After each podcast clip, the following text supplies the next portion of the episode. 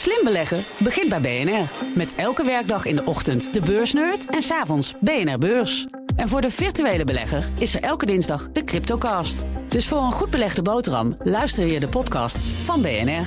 Blijf scherp.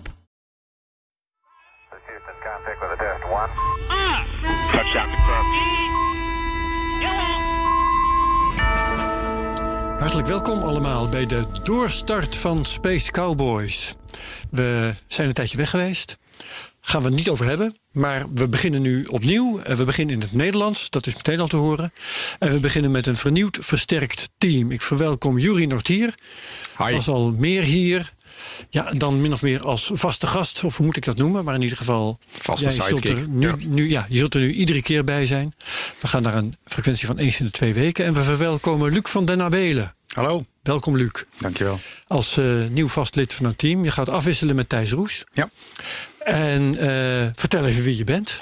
Ehm, ja, eh, hobbymatig eh, ben ik al nou, tussen de 30 en 40 jaar bezig met, met ruimtevaart. Dat is een beetje uit de hand gelopen. Ooit wat krantenknipsels verzamelen. Dat werd publiceren in tijdschriften. zelfs een boek geschreven een aantal jaren geleden over Hermes. Het mislukte Europese project om een kleine space shuttle te bouwen. Ehm hou me ook bezig met de ontwerp en productie van de emblemen die astronauten op hun pak dragen als ze Ja. naar ISS worden je hebt gelanceerd. ons een gegeven net. Ja, precies. De, Tikhonov, ik kan niet alle Cassidy. En die derde keer... mm, Babkin. Babkin toch? Ja, Yes. ja, ja, ja. Het is eh, de Russische letters, hè? Ja, ja, precies. Hey, en verder ben jij eh, beroepshalve spreekstem. Ehm, ja, ook. Maar eh, in principe eh, verdien ik mijn, eh, eh, mijn geld met eh, werken in communicatie. Communicatie. Nou, dat gaan we vandaag doen. Precies. Even, even in het kort, ehm, want we gaan elkaar nieuwtjes vertellen. Dat is het nieuwe model. Eh, even, uh, Juri, wat is jouw meest interessante nieuwtje? Ik denk dat ik het eh, vandaag even wil hebben over het commerciële ruimteprogramma van de NASA. Eh, hun plannen om eh, via SpaceX en Boeing mensen naar het ISS te sturen. En het leek mij interessant om eens te kijken waar ze nu staan en wat voor eh, heftige ontwikkelingen er allemaal zijn geweest. Oké, spannend. Luc?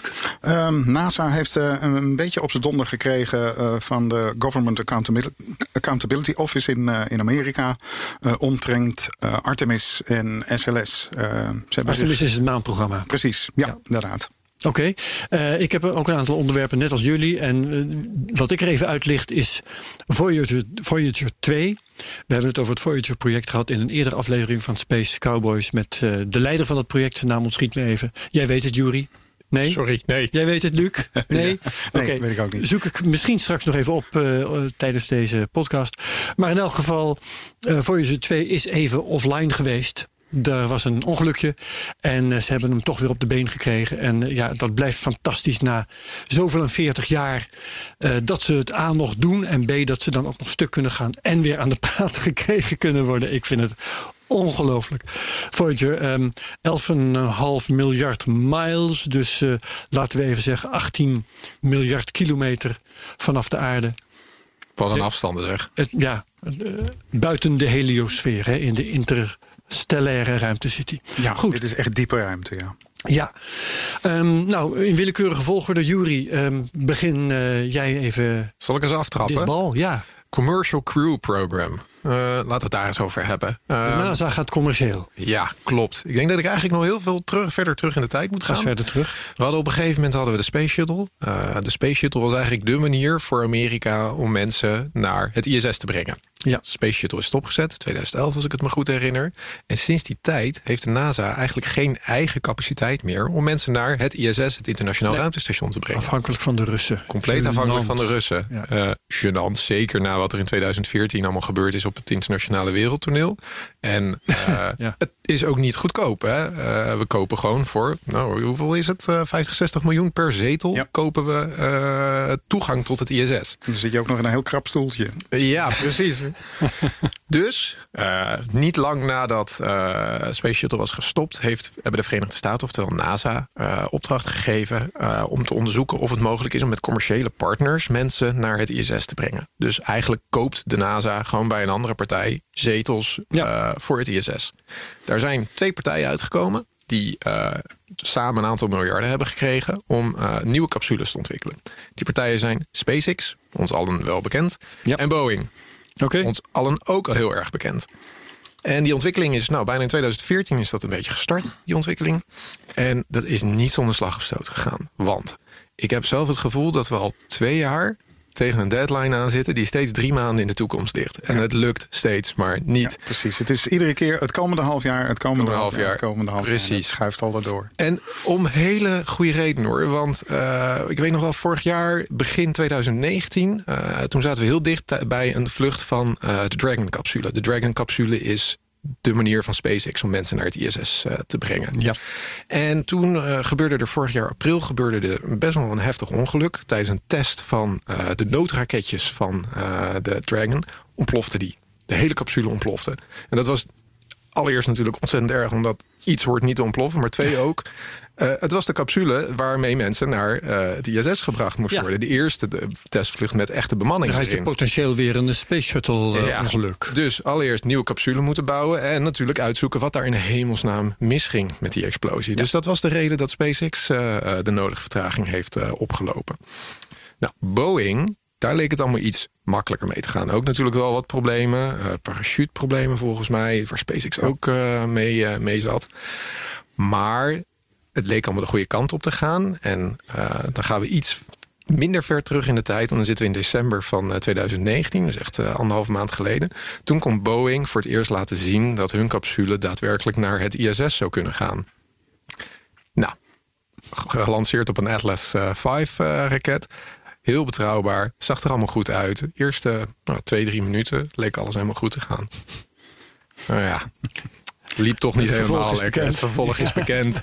Eh, er was een best wel heftige softwarefout... waardoor de capsule dacht dat hij eh, op een ander moment in de missie zat. Daar ging alles mis. Eh, raketjes werden afgevuurd. kwam niet in de juiste baan. En op het moment dat ze de communicatie weer hersteld hadden met de capsule... bleek er al zoveel brandstof verbruikt te zijn... dat het niet meer mogelijk was om die capsule Om die naar het ISS te sturen. Ja. Dus die moest terug.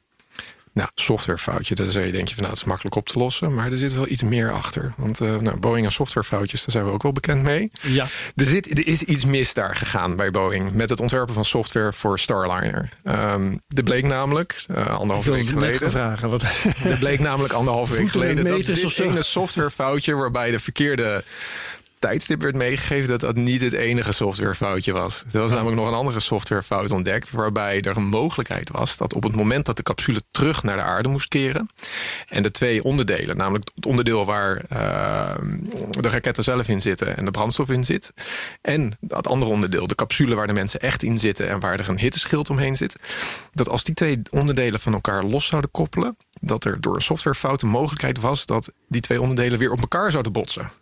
En dat betekent dus dat je potentieel enorme schade kan aanrichten. Niet alleen aan de capsule zelf, maar ook aan het hitteschild. Wat, wat ontzettend belangrijk is natuurlijk om, eh, om terug te keren. ja. Dus Boeing moet alle code, alle, alle, alle software die ze hebben gemaakt voor die Starliner opnieuw reviewen. Honderdduizenden Het regels. zijn miljoenen Nou, regels. miljoenen regels, ja. En nou, ik werk zelf in de software. Eh, ik ben zelf geen developer, maar eh, ik, stuur, eh, ik stuur ze wel aan. En ik weet hoeveel moeite het soms zal kosten om een kleine toevoeging op mijn website te reviewen. Dit gaat maanden aan vertraging opleveren. Ja, ja, maanden. ja, ja, ja. En dan hebben we ook nog eens het probleem dat deze testvlucht nou niet echt goed geslaagd is. En dat het nog in de lucht hangt. of ze deze hele testvlucht vanaf het begin af aan opnieuw moeten doen. Heel veel extra kosten, extra vertraging. Want je moet een nieuwe vlucht uitvoeren, een nieuwe Ja. capsule eigenlijk eh, de lucht insturen. We zijn nog heel ver weg. Ja, het is een, eh, een lastige situatie waarin eh, Boeing nu terecht is eh, gekomen. Ehm, nou ja, de PR die doet het natuurlijk de laatste jaren al niet zo lekker wat betreft hun vliegtuigen. Nu is dit erbij gekomen. En ehm, ja, het pijnlijke is dat op een persconferentie vlak na dat eh, ehm, die lancering dus niet helemaal slaagde, journalisten hebben gevraagd van was dit het enige probleem? Nee, nee, nee. Verder, verder was alles helemaal, helemaal in orde. En ja, er, er gaan sowieso al verhalen dat NASA en Boeing, eh, gezien de historie, wel hele dikke vriendjes eh, eh, zijn. En NASA het liefst had gezien dat eh, ehm, het hervatten van bemande vluchten vanaf eh, Amerikaanse bodem door Boeing zou worden gedaan. Het merkwaardige feit eh, is ook dat Boeing bijna twee keer zoveel geld heeft gekregen om de boel te ontwikkelen als, als SpaceX. Ik Dus vind dat echt heel gek. Ja. Waarom iets, heeft NASA die voorkeur?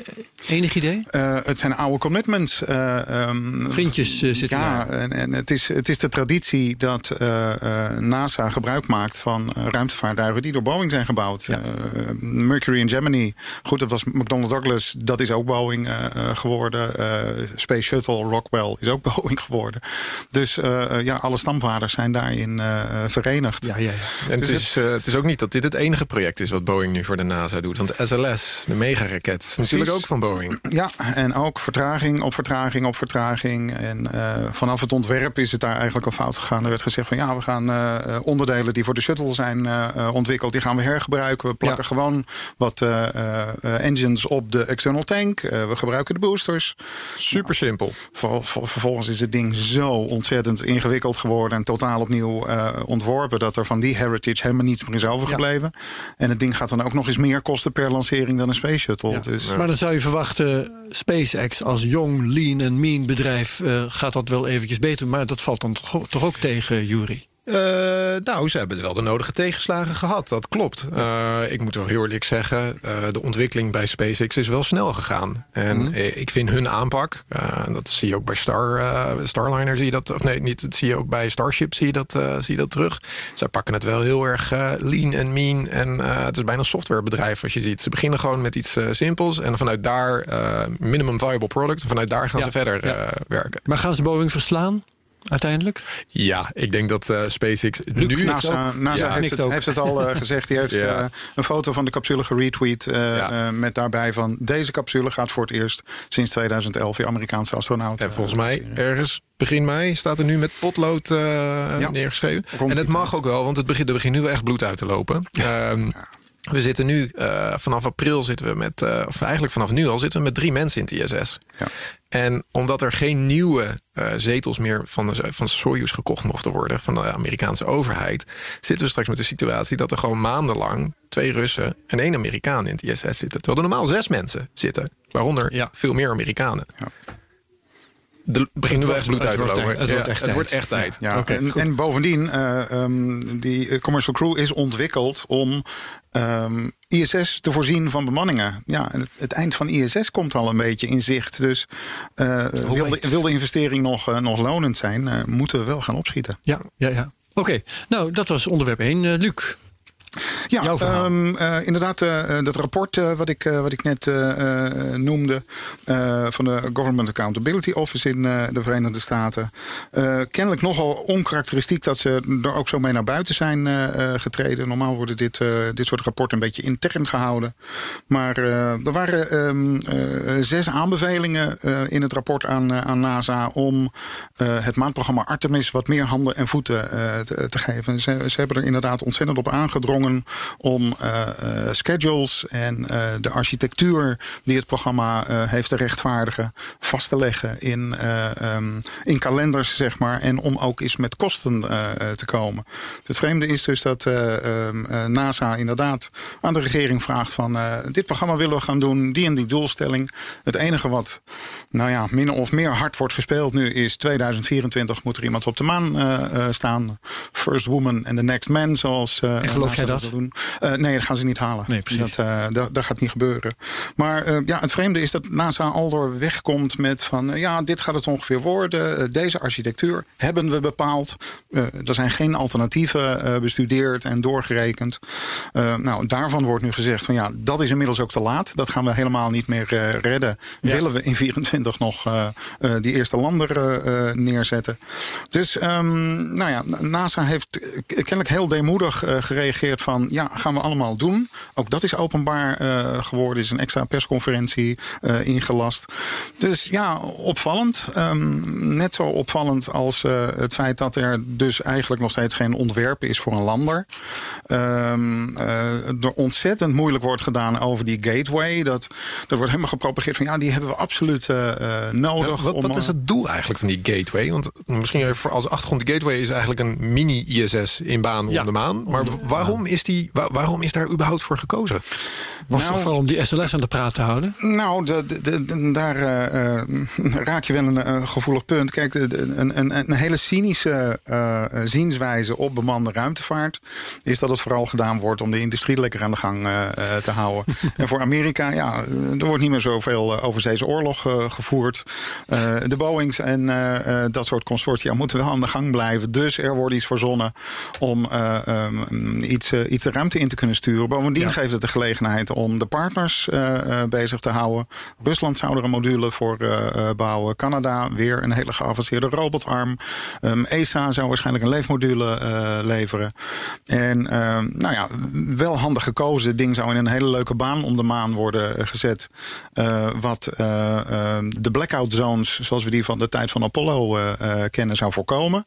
Dat je Er achter de maan langs trekt. Precies, Ja, je zou ja. nu van, gezien vanaf de aarde een, eh, een grote ovaal eh, rondom de maan eh, trekken, waardoor je hem continu kan volgen. Je blijft constant in, in radiocontact. Nou, dat is, dat is mooi natuurlijk. Ehm, maar Apollo heeft bewezen dat je eh, geen tussenstation nodig hebt om met één raket alle spullen eh, naar boven te, eh, te sturen en succesvol op de maan te kunnen landen. Ja. Dus die hele gateway staat nogal onder druk. Nou, ehm, er worden dan allerlei uitvluchten voor gevonden van ja, maar we kunnen hem ook gaan gebruiken om uiteindelijk naar Mars te gaan. En dat blijft een beetje pingpongen ehm, eh, afhankelijk van wat het Witte Huis of de Ik vicepresident zeggen, roept. want, want precies, dat is ook om en om. Hè. De ene president roept we gaan naar Mars. En dan roept de volgende nee, dat is niet nodig. We gaan lekker naar de maan. Want Ja, nou ja, precies. dat En is dichterbij, is makkelijker. Blijf maar dat gaat op en echt neer lukken. eh, ketsen. En Ja. nou, dat is natuurlijk ook een van de fundamentele problemen van die Amerikaanse ruimtevaart. Je bent bijna voor 100% afhankelijk van de president. En de president zit er maar vier jaar in principe. Ehm, Trump zal waarschijnlijk wel een tweede termijn eh, gaan halen. Nou, nou is hij inderdaad wel een beetje ruimtevaart-minded. En het lijkt erop dat de vicepresident dat nog veel meer is. Ehm, ik heb dan ook de indruk dat ze niet zoveel met elkaar praten. Want ze willen elkaar ook nog wel eens tegenspreken. Dus het is ontzettend Maar onhelder. het zit er meestal bij als decor voor, eh, als decorstuk voor ja, als precies. Trump te Eh, heeft. zijn teksten die weet hij in ieder geval prachtig te, te presenteren. En dan klinkt het alsof hij iets heel belangrijks Ja. zegt. Maar ja, de portemonnee daar, daarna trekken, dat blijft toch een beetje Ja, achter. en dan hebben Po- de- positief punt is wel ehm, dat eh, voor eh, het jaar 2021 dat er wel meer budget is aangevraagd door Trump. Juist ook om eh, dit programma verder te brengen. Ja, dat is een heel opvallende. Volgens mij 12% meer, meer budget. Dus dan heb je het over 25 miljard dollar. Wat ontzettend veel geld is. Ja. Maar waarvan dus 3,3 miljard specifiek bedoeld is om een lander te ontwikkelen. Een lander te ontwikkelen om naar de maan te gaan. Dus het is laat. Maar volgens mij begint ze nu wel in te zien dat daar echt eh, het knelpunt nu zit. Want Ja. ik wou net vragen aan jou, Jury. Dan is het Chinese maanprogramma waarschijnlijk consistenter. Want die hebben geen last van een congres dat voortdurend elke vier jaar tevreden moet worden gehouden. Het, het grote voordeel van China is dat ze natuurlijk met eh, zeer lange termijn plannen werken. En dat er continuïteit in, de, in de regering zit. Eh, dat helpt wel bij dit soort enorme projecten. Die, Ja. eh, Wanneer staan de Chinezen op de maan? Nou, dat weten we nog niet 100% zeker. Ze zeggen zelf dat ze 2028 volgens mij als, eh, als, als doel hebben. Ja. Maar ehm, qua planningen vind ik eh, het Chinese ruimtevaartprogramma zeer lastig om te volgen. Eh, oh, toch wel. ja, zelfs, eh, zelfs, voor, zelfs als ik er een beetje moeite voor probeer te doen, dan is het gewoon lastig om echt concrete planningen erover te vinden. Maar ja, samen met de Verenigde Staten, dit zijn wel de twee partijen waar we de komende tien jaar het van moeten verwachten. Ja, Ja. eh, precies. Nou ja, dan hebben we ook nog de wat, de wat kleinere spelers. eh, India en eh, zelfs Iran. Ja, ja daar, daar, daar wou ik straks nog op terugkomen. Ja. Precies, die doet ook leuke dingen. India lijkt wel de volgende te zijn die, die mensen de ruimte in gaat brengen.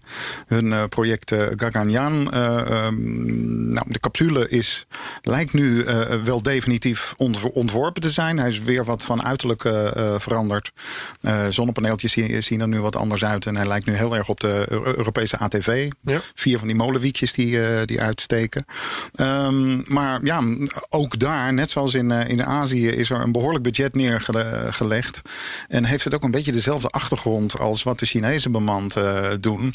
Het gaat om prestige. Ja. Kijk eens hoe sterk mijn economie is. Nou ja, Kijk dat eens is hoe een mijn fantastische motivatie. Want Zeker. dat was het bij de Amerikanen in de jaren 60 Precies. ook. Ja, inderdaad. En, eh, Daarna hebben ze nooit meer wat klaargespeeld. Nee, in, in principe niet. Eh, eh, kijk, van de, van de Space Shuttle heeft de, de, de toenmalige NASA-directeur aan het eind van het project gezegd: ja, eigenlijk is het een fout geweest. We hadden het niet moeten doen. Ja. Verschrikkelijk duur, verschrikkelijk ingewikkeld. en, en lange na niet de bedrijfszeker. routine. Nee, precies. Zo'n machine moest, moest een half jaar nagekeken en gereviseerd De worden. ambitie was geloof ik om elke maand te lanceren. Of geloof Elke week. diverse keer. Juist. Elke Ja, week. ja, ja, ja, en ja. eh, het programma zou eh, van origine 10 jaar duren met 540 vluchten. Ehm, ik heb dan wel eens geprobeerd na te zoeken van wat hadden ze dan allemaal willen, Willen lanceren. Dat is, dat is nooit helemaal duidelijk geworden. Maar Nee, denk dat dat gebeurt vaker. Eh, SLS is in feite ook een raket zonder echte... bestemming, Bestemming, ja, ja. ja, precies. Ja, dat ja, is, ja, dat ja, is het ja. probleem. Dat is ontzettend jammer. Oké. Goed. ehm wil je nog meer over India kwijt? Ehm, nee, eigenlijk niet. Het, eh, het, het, het gaat lekker. Het lijkt, eh, het lijkt op schema te liggen. Ja. Dus eh, eind 21, eh, begin 22 zou die vlucht moeten gaan plaatsvinden. Oké. Spannend. We houden het in de gaten natuurlijk.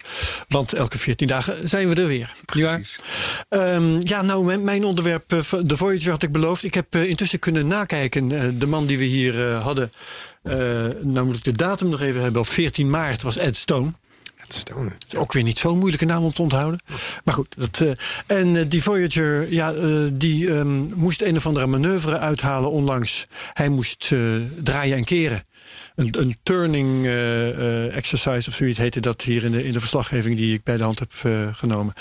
En die duurde te lang en daardoor had hij te weinig eh, energie, te weinig stroom. Want ja, die eh, batterijen die hij heeft, die op plutonium werken, die zijn geleidelijk aan uitgeput aan het raken.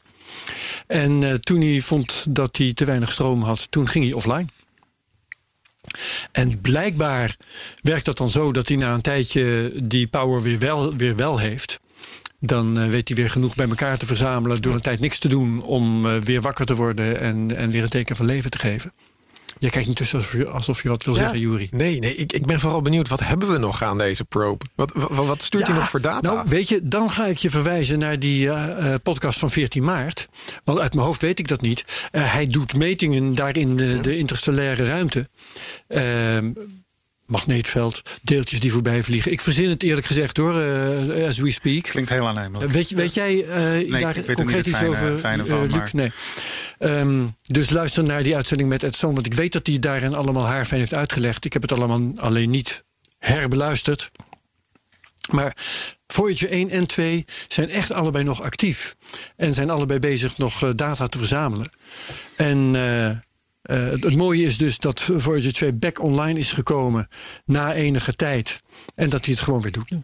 Fijn. Ja, dat, heel eh, fijn. het zijn grote prestaties. Dat, eh, Het is Een ongelooflijk. machine die meer, meer dan 45 jaar geleden is gelanceerd. En op onvoorstelbare afstanden gewoon nog steeds doet wat hij wat die wordt verteld. Het is wat je wel, wat je wel vaker eh, hoort. Hè. Dus sommige eh, ruimtemissies mislukken, mislukken natuurlijk gewoon, dat bestaat ook. Maar eh, wanneer ze werken, en dat, met Marsrobots hebben we dat ook diverse keren gehad, dan overtreffen ze hun ontwerptijd vele, vele malen. Ja, precies. En dat is met Voyager, het is echt een stuk antiek wat daar rondvliegt. Ja, ja, inderdaad. Nou ja, het leukste stukje antiek wat er aan boord eh, zit, is dus inderdaad een langspeelplaat. Ja. Met eh, eh, stemmen van de aarde en, en zo. Dus eh, eh, ja, dan gaan we straks het meemaken. Misschien ooit.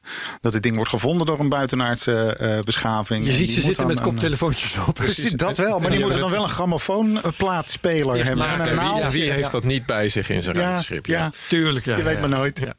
Nou ja, nu we het dan toch over ver weg zijn en lage bandbreedtes hebben, hebben ehm, zal ik dan meteen maar eventjes overgaan op New Horizons. Ja. Want dat was mijn tweede onderwerp. Eh, dat was namelijk leuk, die dook opeens weer op in de berichtgeving. Waarom? Niet omdat hij iets nieuws was tegengekomen, maar omdat inmiddels alle data van New Horizons binnen zijn. Dat heeft anderhalf jaar geduurd? Dat was dat schi- ja, Ja. ja. ja. En ik herinner me toen we het daarover hadden, eh, toen New Horizons in het nieuws was. New Horizons eh, was ehm, Pluto voorbij gevlogen. En na Pluto kwam dan een ding dat intussen een naam heeft. En jij weet hem uit je hoofd, Jury? Ja, Ja, Arrokoth. precies. A-R-R-O-K-O-T-H. Ja, dat was eerst Ultima Thule. Dat Ja, schijnt een beetje een precies. besmette term te zijn. En nu hebben ze dus voor een native Indian eh, naam gekozen. Oftewel de kosmische sneeuwpop. Ja. Zoiets. Ja. Nou ja, en ehm, ik weet van toen dat gezegd werd: ja, we krijgen nu een paar foto's, maar het echte werk dat komt pas later. Want dat ding heeft zo'n lage bandbreedte.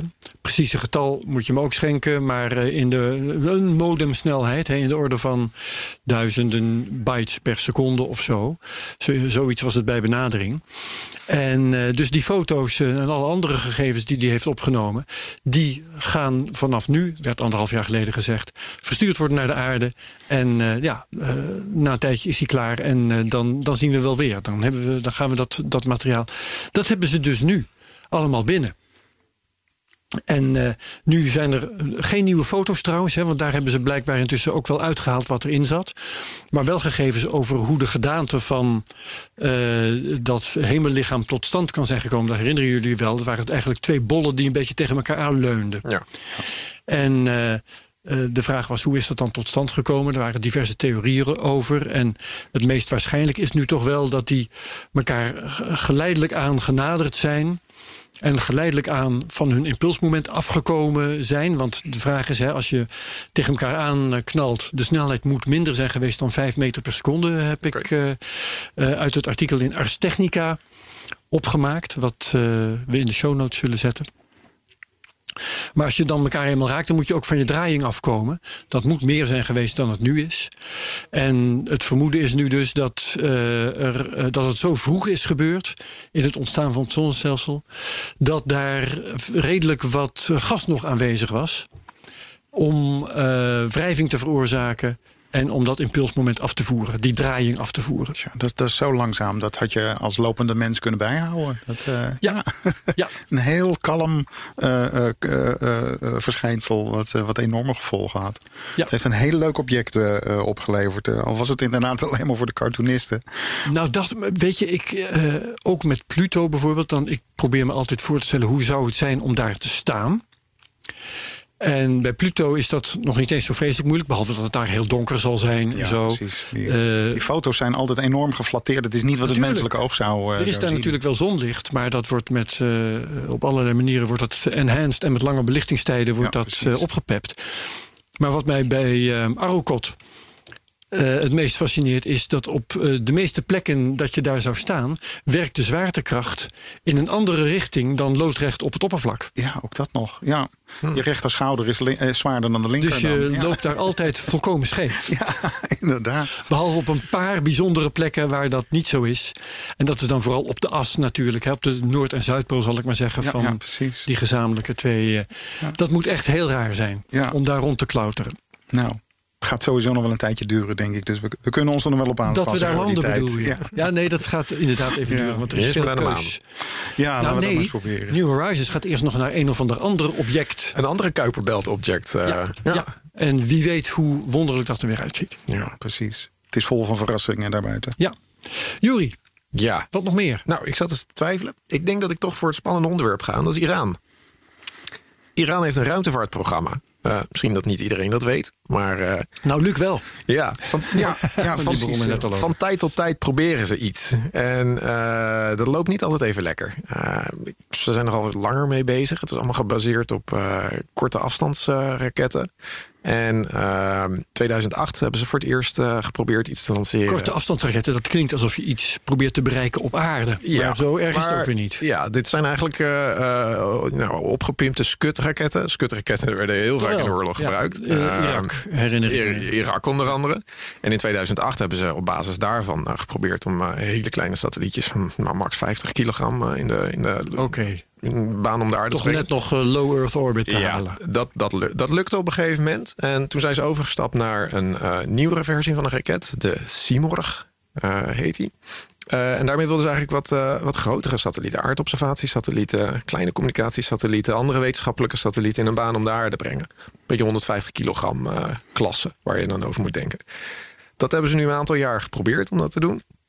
En dat lukt niet lekker. Dat gaat echt niet lekker. 2017 hebben ze het volgens mij voor het eerst geprobeerd. Die zei, die zei boem. Eh, daarna hebben ze het vorig jaar een keer geprobeerd. Dat ging... eh, nou, nou eh, tientallen seconden ging dat mis. En ze hebben het dus anderhalve week geleden, 11, eh, 11 februari. Het is altijd zo rond 11 februari, de dag waarop de islamitische revolutie wordt gevierd in Iran. hebben ze het weer geprobeerd. En deze ging ietsje beter. hij kwam ver buiten de dampkring, maar hij had net niet genoeg snelheid om in een stabiele baan om de aarde te komen. Dus dat satellietje is weer in de Arabische Zee eh, neergekomen.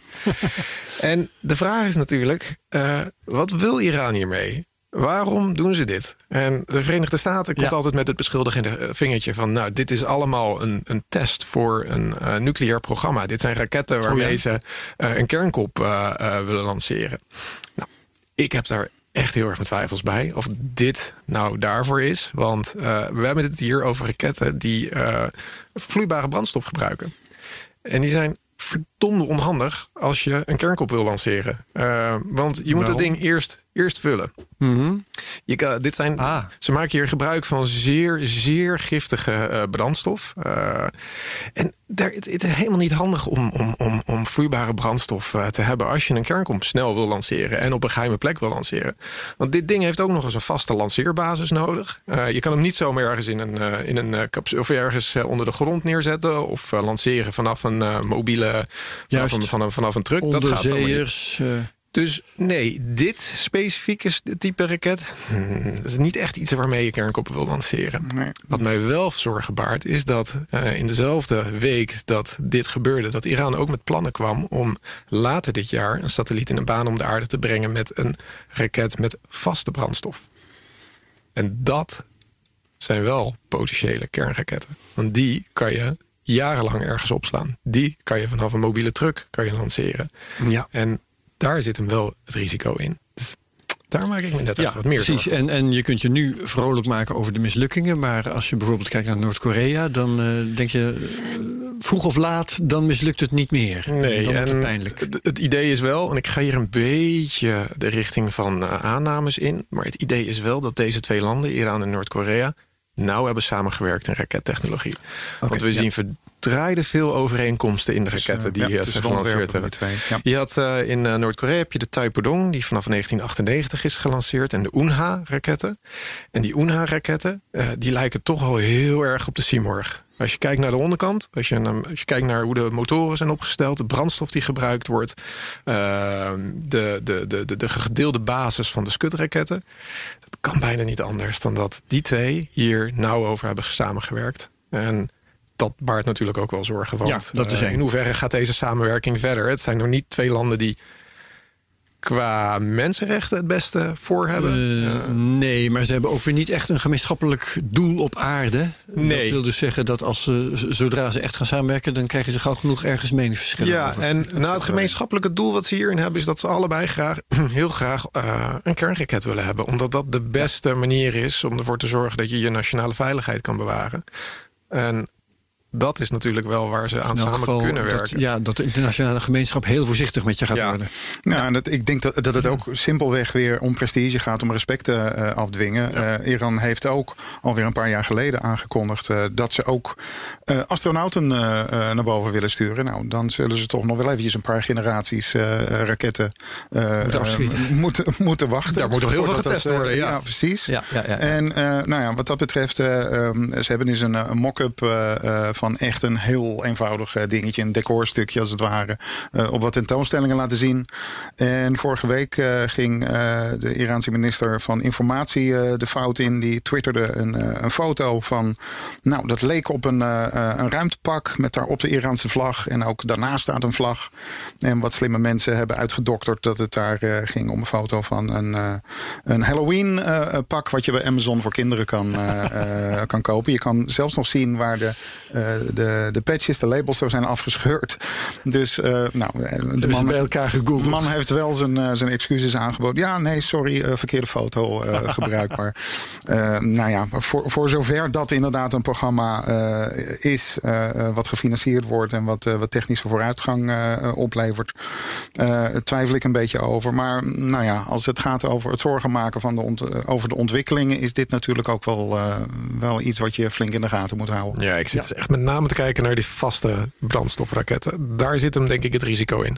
Wat ze met deze Seymour-raket eh, gaan doen... ze zullen het vast nog wel een paar keer gaan proberen. Dat hebben ze ook aangekondigd.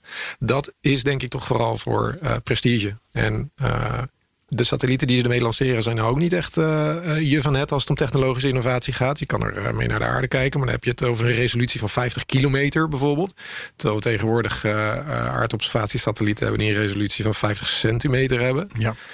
Nou, dit, is echt meer voor de buren ja, dat we dit doen. Kun je, beter, allemaal... Als je echt beelden wilt, kun je ze beter kopen. Ja, ja dan kan je denk ik beter bij uh, de noorderbuurman uh, Rusland uh, aankloppen. die willen vast wel hun geavanceerde aardobservatiesatellieten... voor een leuk prijsje inzetten. Het is heel veel symboliek. Wat, wat, je ook net zegt, de lanceerdatum doet er zelfs toe. de naamgeving is heel erg op politiek en religie en overwinning en, en dat soort dingen gebaseerd. Dus ja, moeten we met, met wat andere ogen bekijken. Ja.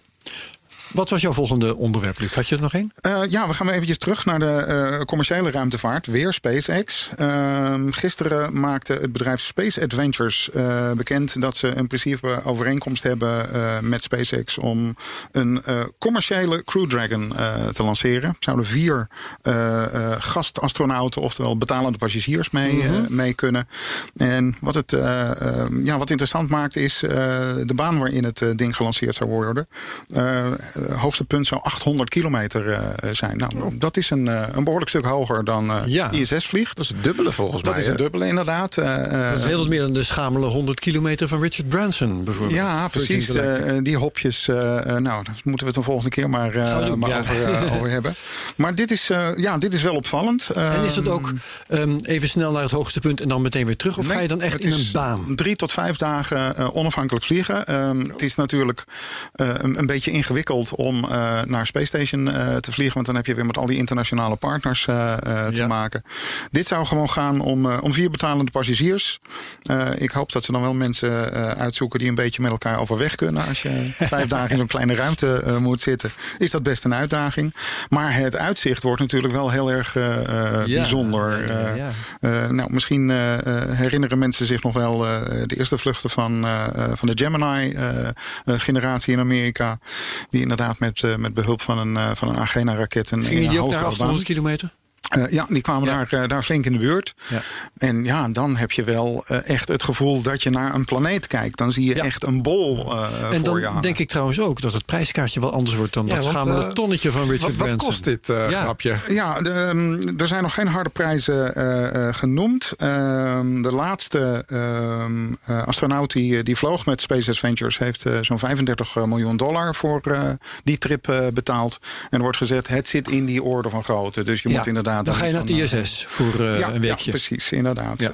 Uh, maar dit uh, ja, is, is en blijft dus helaas alleen maar weggelegd voor de, voor de zeer vermogende mensen. Zeker, maar het is wel heel spannend en fascinerend als, als deze industrietak eindelijk van de grond komt. Ja, ja beslist. Ja. Leuk, mooi. Meer nog hierover? Want je um, adem, mag er best niet, meer over zeggen. Niet hierover. Um, natuurlijk wel, uh, ja, het, wordt bijna een thema-uitzending SpaceX. Maar uh, um, het blijft fascinerend om, uh, om op sommige webcams die in, in Boca Chica in Texas staan te volgen. Waar meneer Musk allemaal mee bezig is. hij, hij zal weer iets opgestoken hebben. Ja, nou, hij, is, hij is weer met, met, bezig met het ontwikkelen van de prototypes voor, voor Starship. En ik blijf daar maar zo'n heel vreemd gevoel uh, bij hebben. Uh, er wordt daar in de woestijn, bijna in de open lucht, een ruimteschip gebouwd wat naar Mars moet, uh, moet gaan. En, in de open lucht? Ja, letterlijk. niks, geen clean rooms of iets dergelijks. Um, als je ziet wat daar gebeurt, er worden lange platen roestvrij staal gebracht. Die worden tot een ring gerold. Die worden opgestapeld. en nou ja, er is een stukje video waarin je ziet hoe dat een paar dagen geleden gebeurde. Bij het aan elkaar vastmaken schieten er deuken in. En dat wordt dan weer een beetje rechtgeduwd. Je krijgt ontzettend het gevoel dat je een klein jongetje bent die in zo'n papieren bouwplaat van een schip aan het uh, maken bent.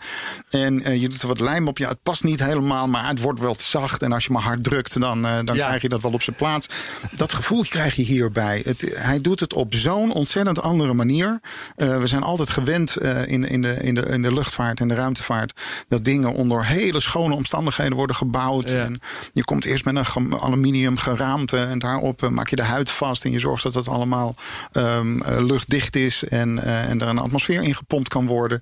En dit gebeurt allemaal op een totaal andere manier. Maar is dat tot, tot mislukken gedoemd? Of heeft niemand er ooit aan gedacht dat het eigenlijk ook wel in de open lucht kan? Nou ja, uh, uh, als er iemand is die het allemaal anders aanpakt, uh, is het Elon Musk wel. En een paar jaar geleden waren er echt nog wel mensen die zeiden van herbruikbare raketten die rechtop staan landen.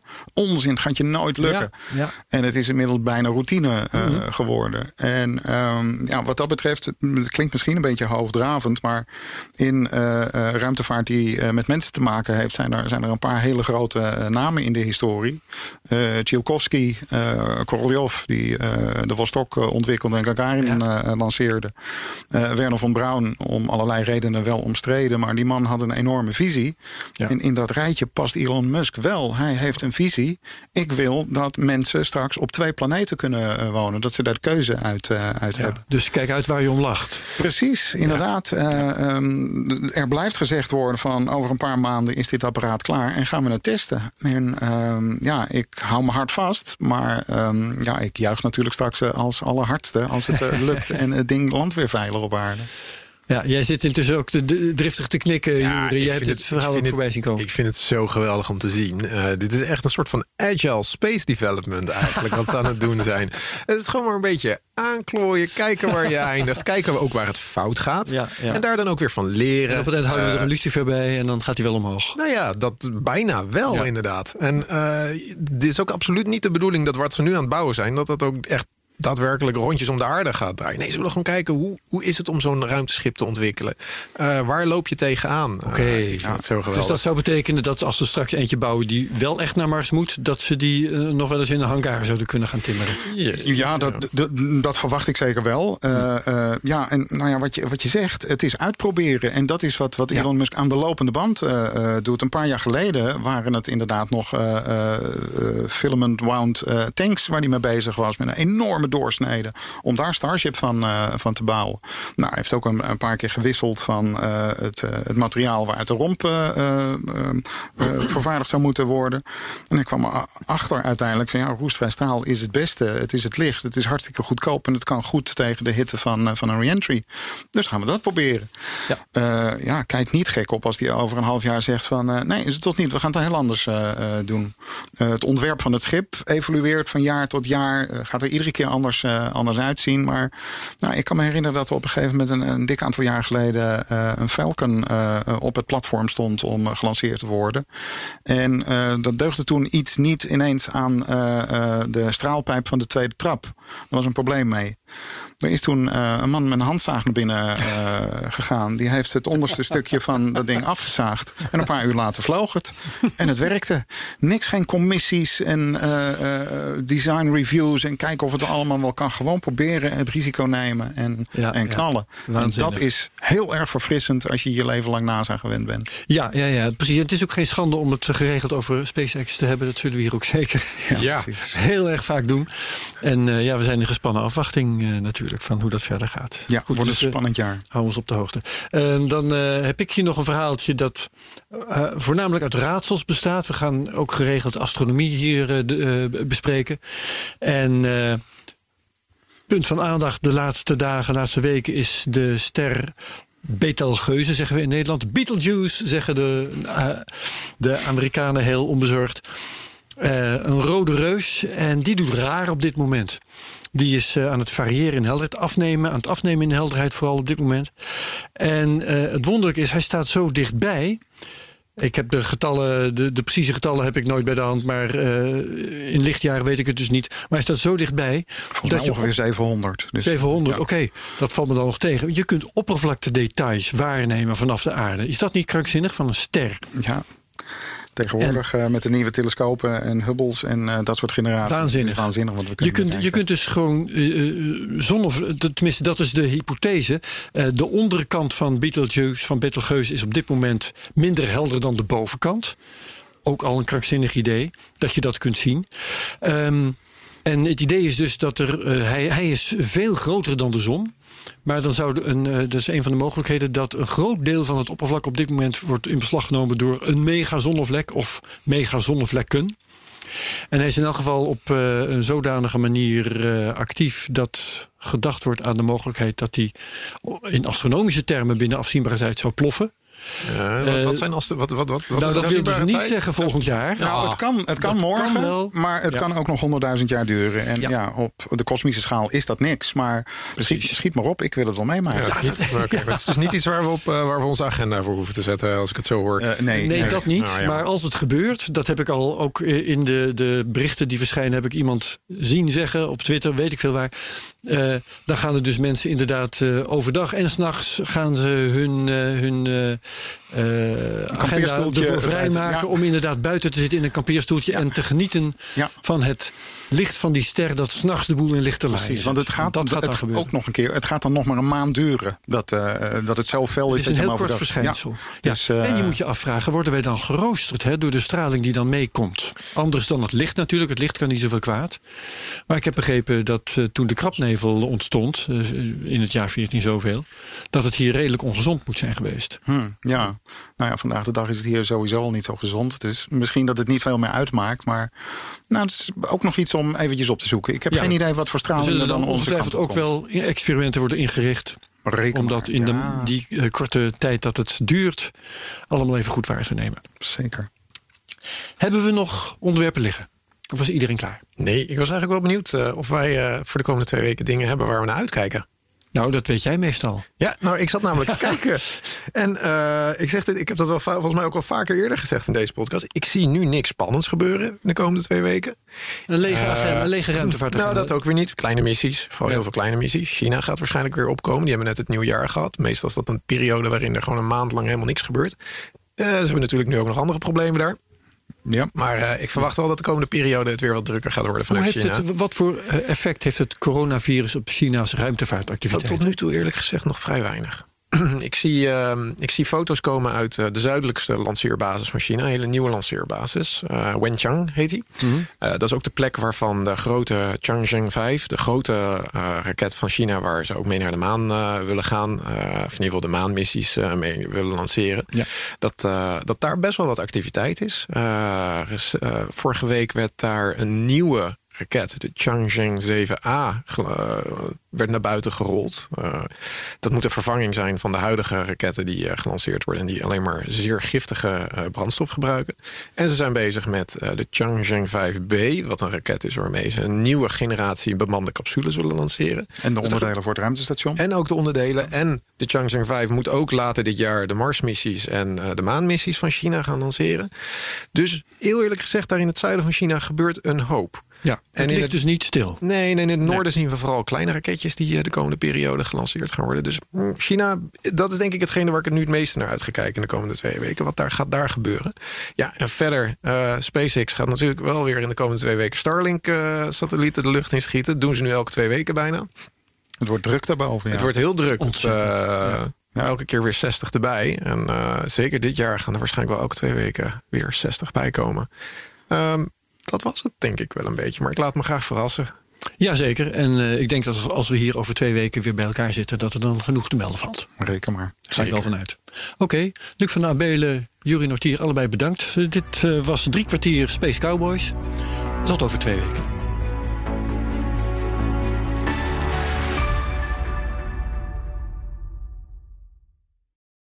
BNR Headlines. De hele dag binnen- en buitenlandse politiek. In Nederland hebben we geen munitiefabrieken. De hele dag economie. vijf dagen in de week bezorgen. Dat kan niet uit.